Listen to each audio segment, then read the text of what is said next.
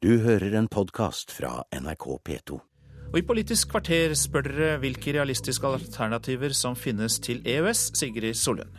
Og svaret er kommet i en ny rapport, men alternativ 1, EU-medlemskap, blar nok min gjest fort forbi.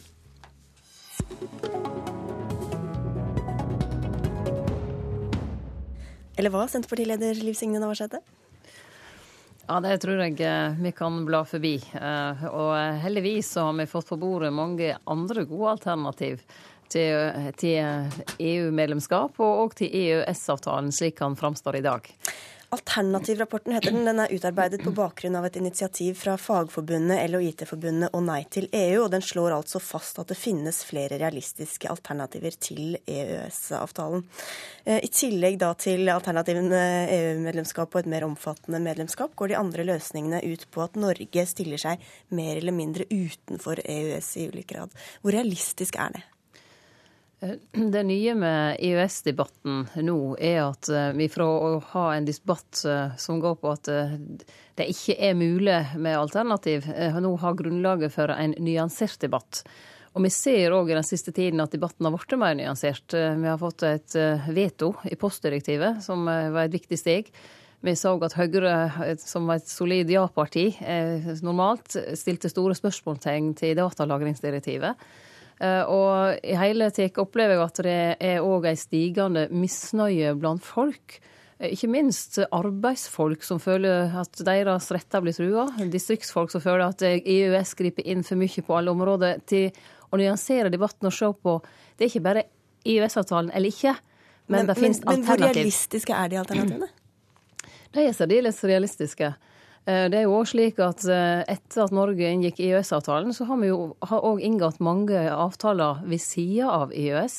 Så det å framstille eh, alternativ til EØS som å gå tilbake til 80-tallet, er jo et skremmebilde. Det har skjedd ei utvikling òg ved sida av EØS-avtalen, også i Norge, men ikke minst i mange andre land som gjør at eh, det å ha avtaler, et avtalebasert system, er ett realistisk alternativ. Det å endre EØS-avtalen, gjøre den mindre forpliktende på viktige områder for samfunnslivet i Norge, er et annet alternativ. Den tidligere ESA-presidenten og diplomaten Knut Almestad har på oppdrag av eh, Europabevegelsen pekt på noe av det som blir borte hvis vi sier opp EØS-avtalen, bl.a. at norske selskaper kan miste muligheten for å levere anbud til EU, nordmenn i EU kan miste retten til å få hjelp ved sykdom, norske ungdommer får ikke lenger fri tilgang til å studere i EU osv. osv. Hvor fristende er det? Ja, Dette er jo et bilde hvis en skrur klokka tilbake og sier at da er en liksom tilbake 40 år i tid. Men det er jo ikke der vi er.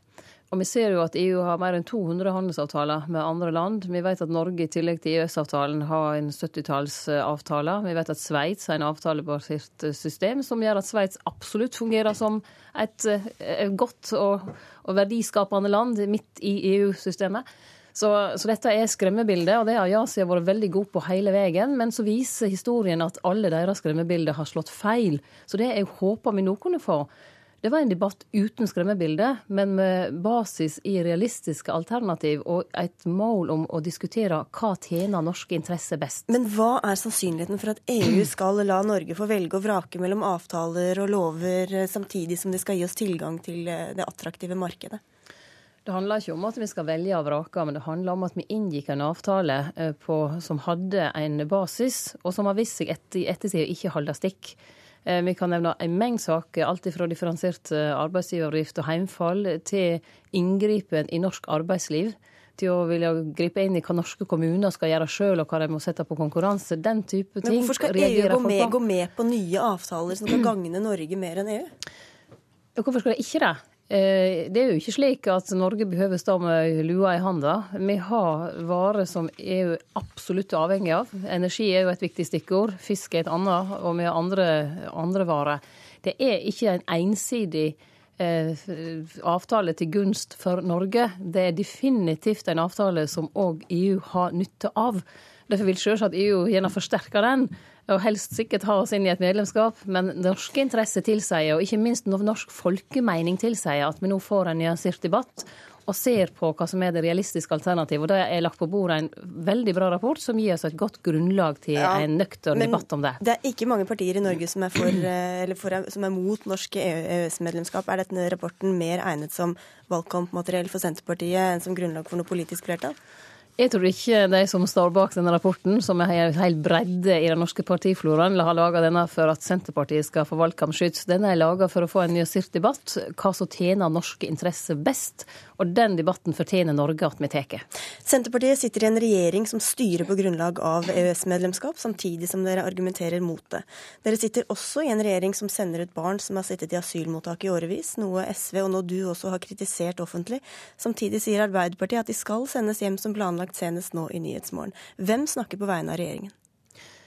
Regjeringens asylpolitikk står jeg og Senterpartiet bak. og Det var jeg veldig tydelig òg i går kveld, det var dessverre klippet vekk. Eh, men det gjør jeg. Eh, men i denne situasjonen, for nå har vi en situasjon som ingen av regjeringspartiene har ønska skulle oppstå. Eh, der det er uskyldige unger som eh, får svi. Og da mener jeg vi må ta en fot i bakken i den situasjonen. Jeg har ikke tatt til orde for at vi skal endre asylpolitikken, men vi skal rydde opp nå, slik at de ungene ikke får svi. Men hvem snakker på vegne av regjeringen, og hvordan skal folk forholde seg til en regjering som fører en politikk, og tre ulike partier som fører tre ulike politikker? Hvis vi ikke som parti kan i det offentlige rom òg være med å føre en debatt på vegne av partiet sine verdier, selv om vi sitter i regjering, så bør vi jo diskutere om vi skal være der. Altså jeg vil. Kan det virke litt forvirrende for folk, da? Nei, jeg tror ikke det. Eh, media fremstiller det forvirrende, men folk ser at vi står samla om politikken, den langsiktige asylpolitikken. En streng, men rettferdig asylpolitikk. Det er Senterpartiet Men her står dere ikke samlet om disse barna, da? Nei, for nå har det oppstått effekter som ingen av oss ønsker, ei heller Arbeiderpartiet. Og da mener jeg alle tre partier må sette seg sammen og bare bli enige om hvordan vi gjør, finner en løsning for disse ungene. Og så må vi i tillegg sikre at vi ikke om tre år er i samme situasjon. Og da må vi òg se på de stortingsmeldingene som vi skal legge fram til sommeren. Og mer om hva som bør skje med disse asylbarna skal du snakke om i Nyhetsmorgen om en drøy halvtime. Takk skal du ha for at du kom til Politisk kvarter, Liv Signe Navarsete.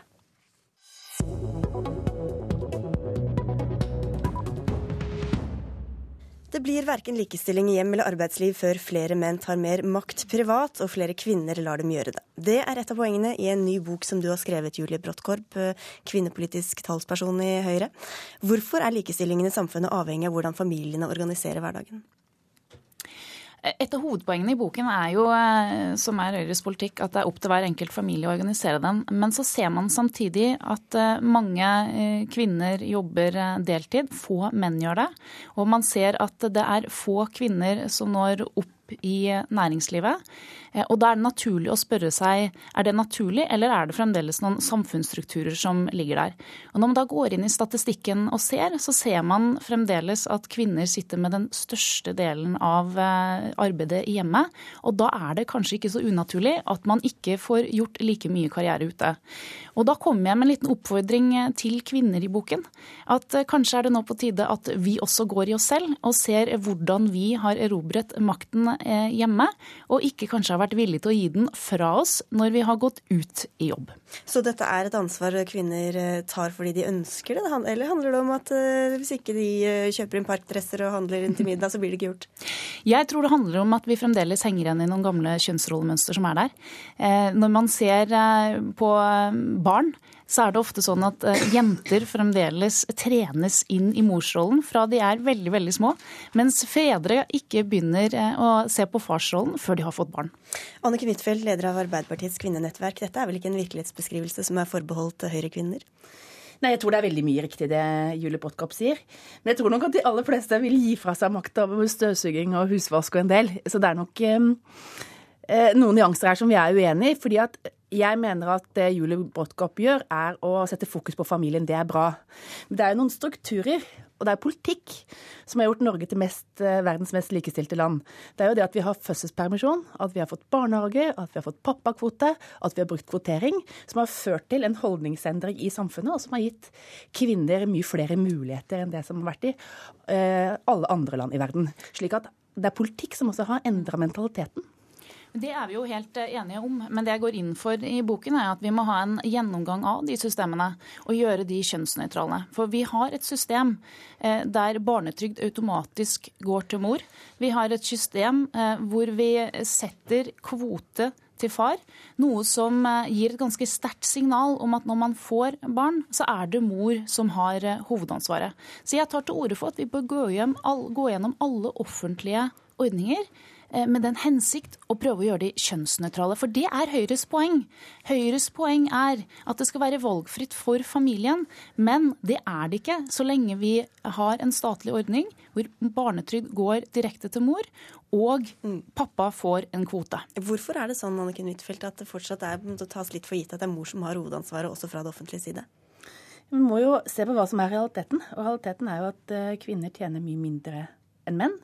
Og Derfor så kompenserer barnetrygden gradvis for det. Og det andre er jo at de land som ikke har pappakvote, så er det mye færre menn som tar ut permisjon. Og Det er ikke fordi at menn ikke vil ta ansvar, men fordi de opplever i større grad enn kvinner å bli diskriminert for sin arbeidsgiver dersom de velger å være lenge sammen med barna. Så de fjerna pappakvoten i Danmark. Så var det ikke sånn at danske fedre ble mindre omtenksomme i forhold til sine barn, men de tok altså mindre pappaperm. Vi tar ikke hele pappakvote, den har vi hatt mange ganger før den debatten. Men hvorfor er det sånn at når vi får barn og stifter familie, så sklir vi så lett inn i de gamle kjønnsrollemønstrene? For da har vi kanskje foreldrene våre som forbilde. Og ingen kvinner ønsker å eh, gå på akkord med det man står inne for når det gjelder morsrollen. Og vi tar veldig mye ansvar. Det er bra, men jeg tror nok det er noe i det Brodtkorp sier, at vi også kan gi fra oss makta på enkeltområder. Hvis du drar på et gjennomsnittlig politisk møte på en fredag ikke så lenge før påske, så ser du veldig mange kvinner som står og skriver sånne påskelister om hva som skal med, og hva som ikke skal med. Men du finner ikke den konstante dårlige samvittigheten eh, hos menn på samme måte. Men eh, den dårlige samvittigheten er, samvittigheten er nok økende også blant menn. Ja, det er ikke noe meningen å påføre menn den samvittigheten, kanskje, Bråttkorp, men hva skal til for at menn skal ta det overordnede ansvaret, da? Men når du sitter sånn og skriver en bok, da, så har det vært litt sånn morsomt. For at, uh, da ble jeg sittende eksempelvis på en kafé en dag, og så så jeg et par som kom. Og så tenkte jeg dette er det perfekte paret. De hadde to barn, de trillet hver sin barnevogn. Far trillet den minste babyen. Så setter de seg ned, de tar en kaffe. Og så ser jeg at far går inn for å gå på toalettet. Og da fyker mor opp, og så går hun bak i nakken på den minste for å kjenne om den er for varm. Og da begynte jeg å tenke, hva er det som gjør at vi kvinner tenker at vi har et sånn ekstra gen som gjør at vi vet om dynen skal av, om den skal på, om solhatten skal være av, eller om den skal være på.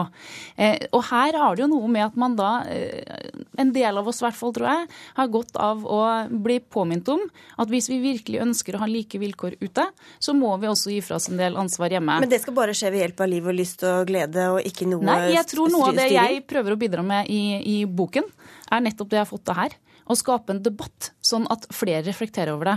Fordi at det må være grenser for politikk. Altså Vi kan ikke gå inn og regulere menneskers atferd, men vi kan påvirke det i forhold til å bevisstgjøre. Eh, og det gjør jeg også i boken, for jeg kommer med en del oppfordringer til unge kvinner om å ikke gå i en del feller som, som mange av oss andre har gjort. I stedet for å bruke tvang og kvoter og, og på, uh, politikk, Huitfeldt? Altså, jeg er veldig opptatt av de holdningene som Julie Brodtkorp er opptatt av å endre. Men det blir først og fremst det som Høyre snakker om i likestillingspolitikken. For de vil jo fjerne maksprisen i barnehagen, fjerne pappakvoten, fjerne kvotering. Og fjerne retten til offentlig støtte til assistert befruktning. Så det blir en politikk uten innhold. Hvor det er snakk om holdninger, det er vel og bra, men vi trenger politikk også. Men apropos holdninger, eh, hvorfor altså Det er sikkert mange menn som føler at de allerede strekker seg langt på hjemmebane. De trener fotballaget, og de eh, kjører til barnehagen og det ene med det andre. Hvorfor kan ikke kvinner heller da kjempe for å skifte dekk og sparkle mer, i stedet for å overlate alt til mannen? Hvis vi ser på husarbeid, så er jo det inkludert, det å ta vare på eh, bildekk og måle hus. Så det er jo inkludert i de tallene, og de viser at norske menn jo, Men vi vil at menn skal endre atferd og, og, komme mer på kvinnenes banehalvdel, men vi er kanskje ikke flinke nok selv til å gjøre det motsatte. Hvis vi ser på antall timer husarbeid, da, så gjør kvinner mer husarbeid enn menn. Men norske menn tar seg veldig mye av barna sine. Nå fikk jeg lyst til å spørre programlederen hvor mange biler og hvor mye du sparkler, for jeg tror de fleste av oss støvsuger støvsuger og vasker og lager matpakke litt oftere enn vi skifter dekk og sparkler. Og det Prøv bare vel å være på de stakkars mennene der ute som sier Men, men, det er noe med det Anniken Huitfeldt sier, altså det skal bare handle om holdninger og ikke innhold i politikken. Ja, men vet du hva? Veldig mye handler om, om holdninger i likestill, likestillingen. For dette er noe med at vi kan ikke tvinge folk til eh, å leve andre liv. Det må være eh, at man har lyst til det. Og jeg tror ikke noe på at kvinner egentlig har lyst til eh, å gjøre eh, flere timer husarbeid i uken enn en menn. Og, og, her viser jeg bare til statistikken. Statistisk sett gjør kvinner svært mye mer hjem, eh, hjemme enn menn. Og da er det ikke så rart at man ikke får brukt like mye energi ute. Høyre ville ikke innføre makspris. Det mente de var gammelstalinistisk. Det har endret norske kvinners liv. Jeg mener det er eksempel på et styring som har ført til en mye bedre likestillingspolitikk. Noe, noe av det viktigste i barnehagepolitikken er jo at vi har fått full barnehagedekning, og det er det private barnehager som har stått for å gjøre. Både å sørge for dekning og god kvalitet. Det er Høyres politikk. Julie Bråttkorp og Annike Huitfeldt, takk for at dere kom til Politisk kvarter, som nå er slutt. Mitt navn er Sigrid Solund. Du har hørt en podkast fra NRK P2.